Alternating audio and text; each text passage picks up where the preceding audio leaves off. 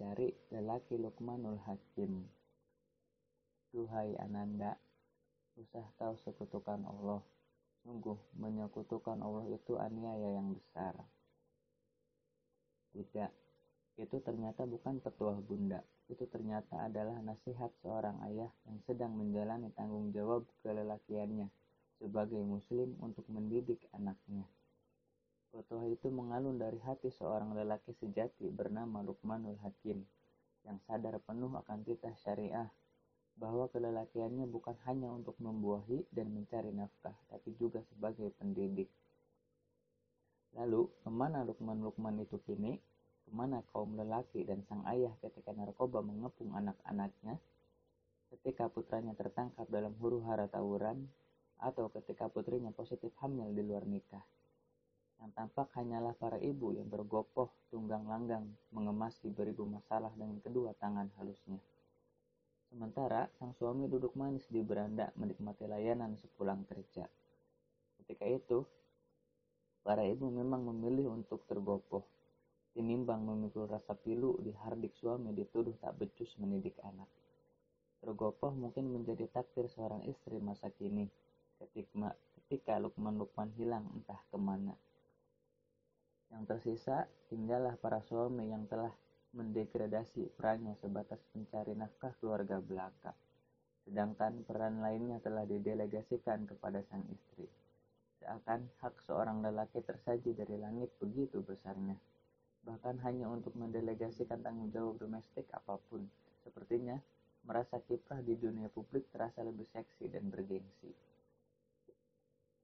Entah siapa yang mulanya bersalah sehingga lelaki tak lagi menjadi Lukmanul Hakim yang cakap memimpin, mencari nafkah, menjadi suami, dan menjadi ayah.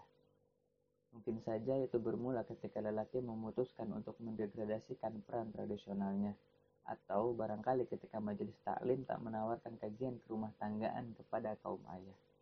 Sementara buku dan seminar tentang keluarga tak menganggap laki-laki adalah pasarnya. Siapakah yang bersalah ketika seorang suami tak lagi peka membaca kerling kehendak sang istri yang disyariat yang disiratkan dalam kata bersayap khas perempuan, majelis taklim angkat bahu. Karena ajakannya untuk mengaji kepada para lelaki selalu ditampik atas dalih waktu yang tersisa di, per, di perburuan nafkah. Lalu, siapakah yang bertanggung jawab kalau ayah tak lagi bisa menemani keluh anaknya yang ditikam merasa jatuh cinta kepada teman sekelas? Pengelola seminar dan penerbit buku pun geleng kepala karena yang selama mereka tahu itu memang urusannya para ibu. Hanya zaman yang tahu Seberapa didayakah seorang perempuan untuk mengemasi seluruh masalah rumah tangga dengan satu tangan? Karena tangan yang satu lagi disibukkan oleh pengabdiannya bagi suami tercinta. Beban berat itu hanya dapat mereka adukan kepada Allah yang maha pengasih dan maha penyayang. Karena mereka tak dapat mengadu kepada suami yang telah berubah menjadi Tuhan-Tuhan kecil tanpa kasih. Pernah mereka mengadukan hasrat untuk bersekolah lagi, tapi Tuhan-Tuhan kecil itu melarangnya tanpa sedikit menempati. Beralasan bahwa ibadah perempuan ada di dapur. Pernah mereka merayu untuk turut membantu mencari nafkah, namun lagi-lagi Tuhan-Tuhan kecil itu menampiknya, mengutip firman Tuhan yang maha besar bahwa perempuan harus tinggal di rumah.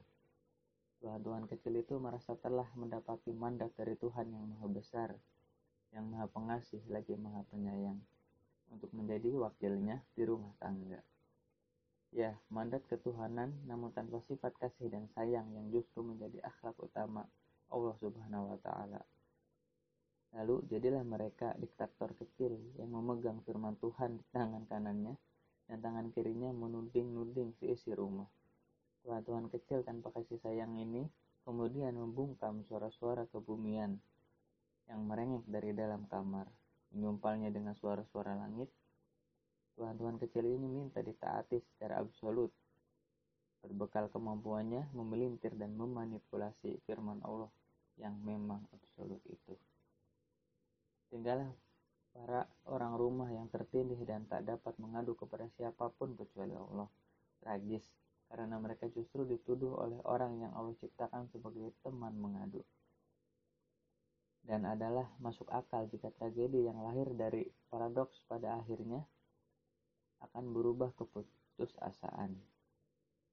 Dan keputusasaan yang tragis akan melahirkan tragedi-tragedi berkelanjutan. Keputusasaan yang hampa itulah yang akhirnya menakdirkan istri-istri yang bunuh diri, ibu-ibu yang membakar anaknya, atau perempuan-perempuan yang berjualan narkoba. Tapi itu tak sepenuhnya kesalahan para lelaki. Kita, lingkungan, dan budaya patriarki kita yang feodal tak dapat dicuci tangan sepenuhnya. Karena kitalah yang telah mendegradasikan peran lelaki hanya sebatas pencari nafkah.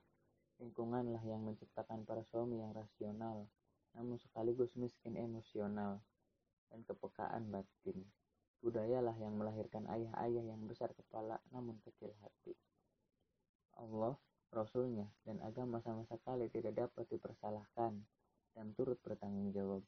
Karena titah agama teramat jelas bahwa lelaki adalah pemimpin, suami, ayah, dan teman dalam rumah tangganya. Sedangkan mencari nafkah hanyalah alat bantu untuk menjalankan segala peran dan tanggung jawab itu. Padahal, nun di Madinah sana 15 abad silam, ketika Allah menurunkan ayat-ayat khusus untuk perempuan, ketika turun ayat-ayat tentang rumah tangga dan pendidikan anak, Rasulullah justru mengumpulkan para lelaki di masjidnya. Beliau sampaikan isinya dan beliau jelaskan maksudnya. Lalu pada akhirnya beliau bersabda, Pulanglah kalian dan sampaikanlah kepada istri-istri dan anak-anak perempuan kalian. Beliau Shallallahu Alaihi Wasallam adalah suami yang menumbuk tepung, mencuci pakaian, dan tahu cara menyenangkan istri-istrinya adalah kita yang harus memulai perubahan dan melahirkan kembali Lukmanul Hakim Lukmanul Hakim yang baru. Khotbah-khotbah Jumat perlu membahas tentang menjadi suami. Kantor-kantor tempat lelaki mencari nafkah perlu mengadakan kajian ke rumah tanggaan. Masjid-masjid masjid-masjid pasar tempat sang ayah berdagang perlu berceramah tentang pendidikan anak. Seminar-seminar komersial dan para penerbit buku perlu peduli dengan tema lelaki dan rumah tangga.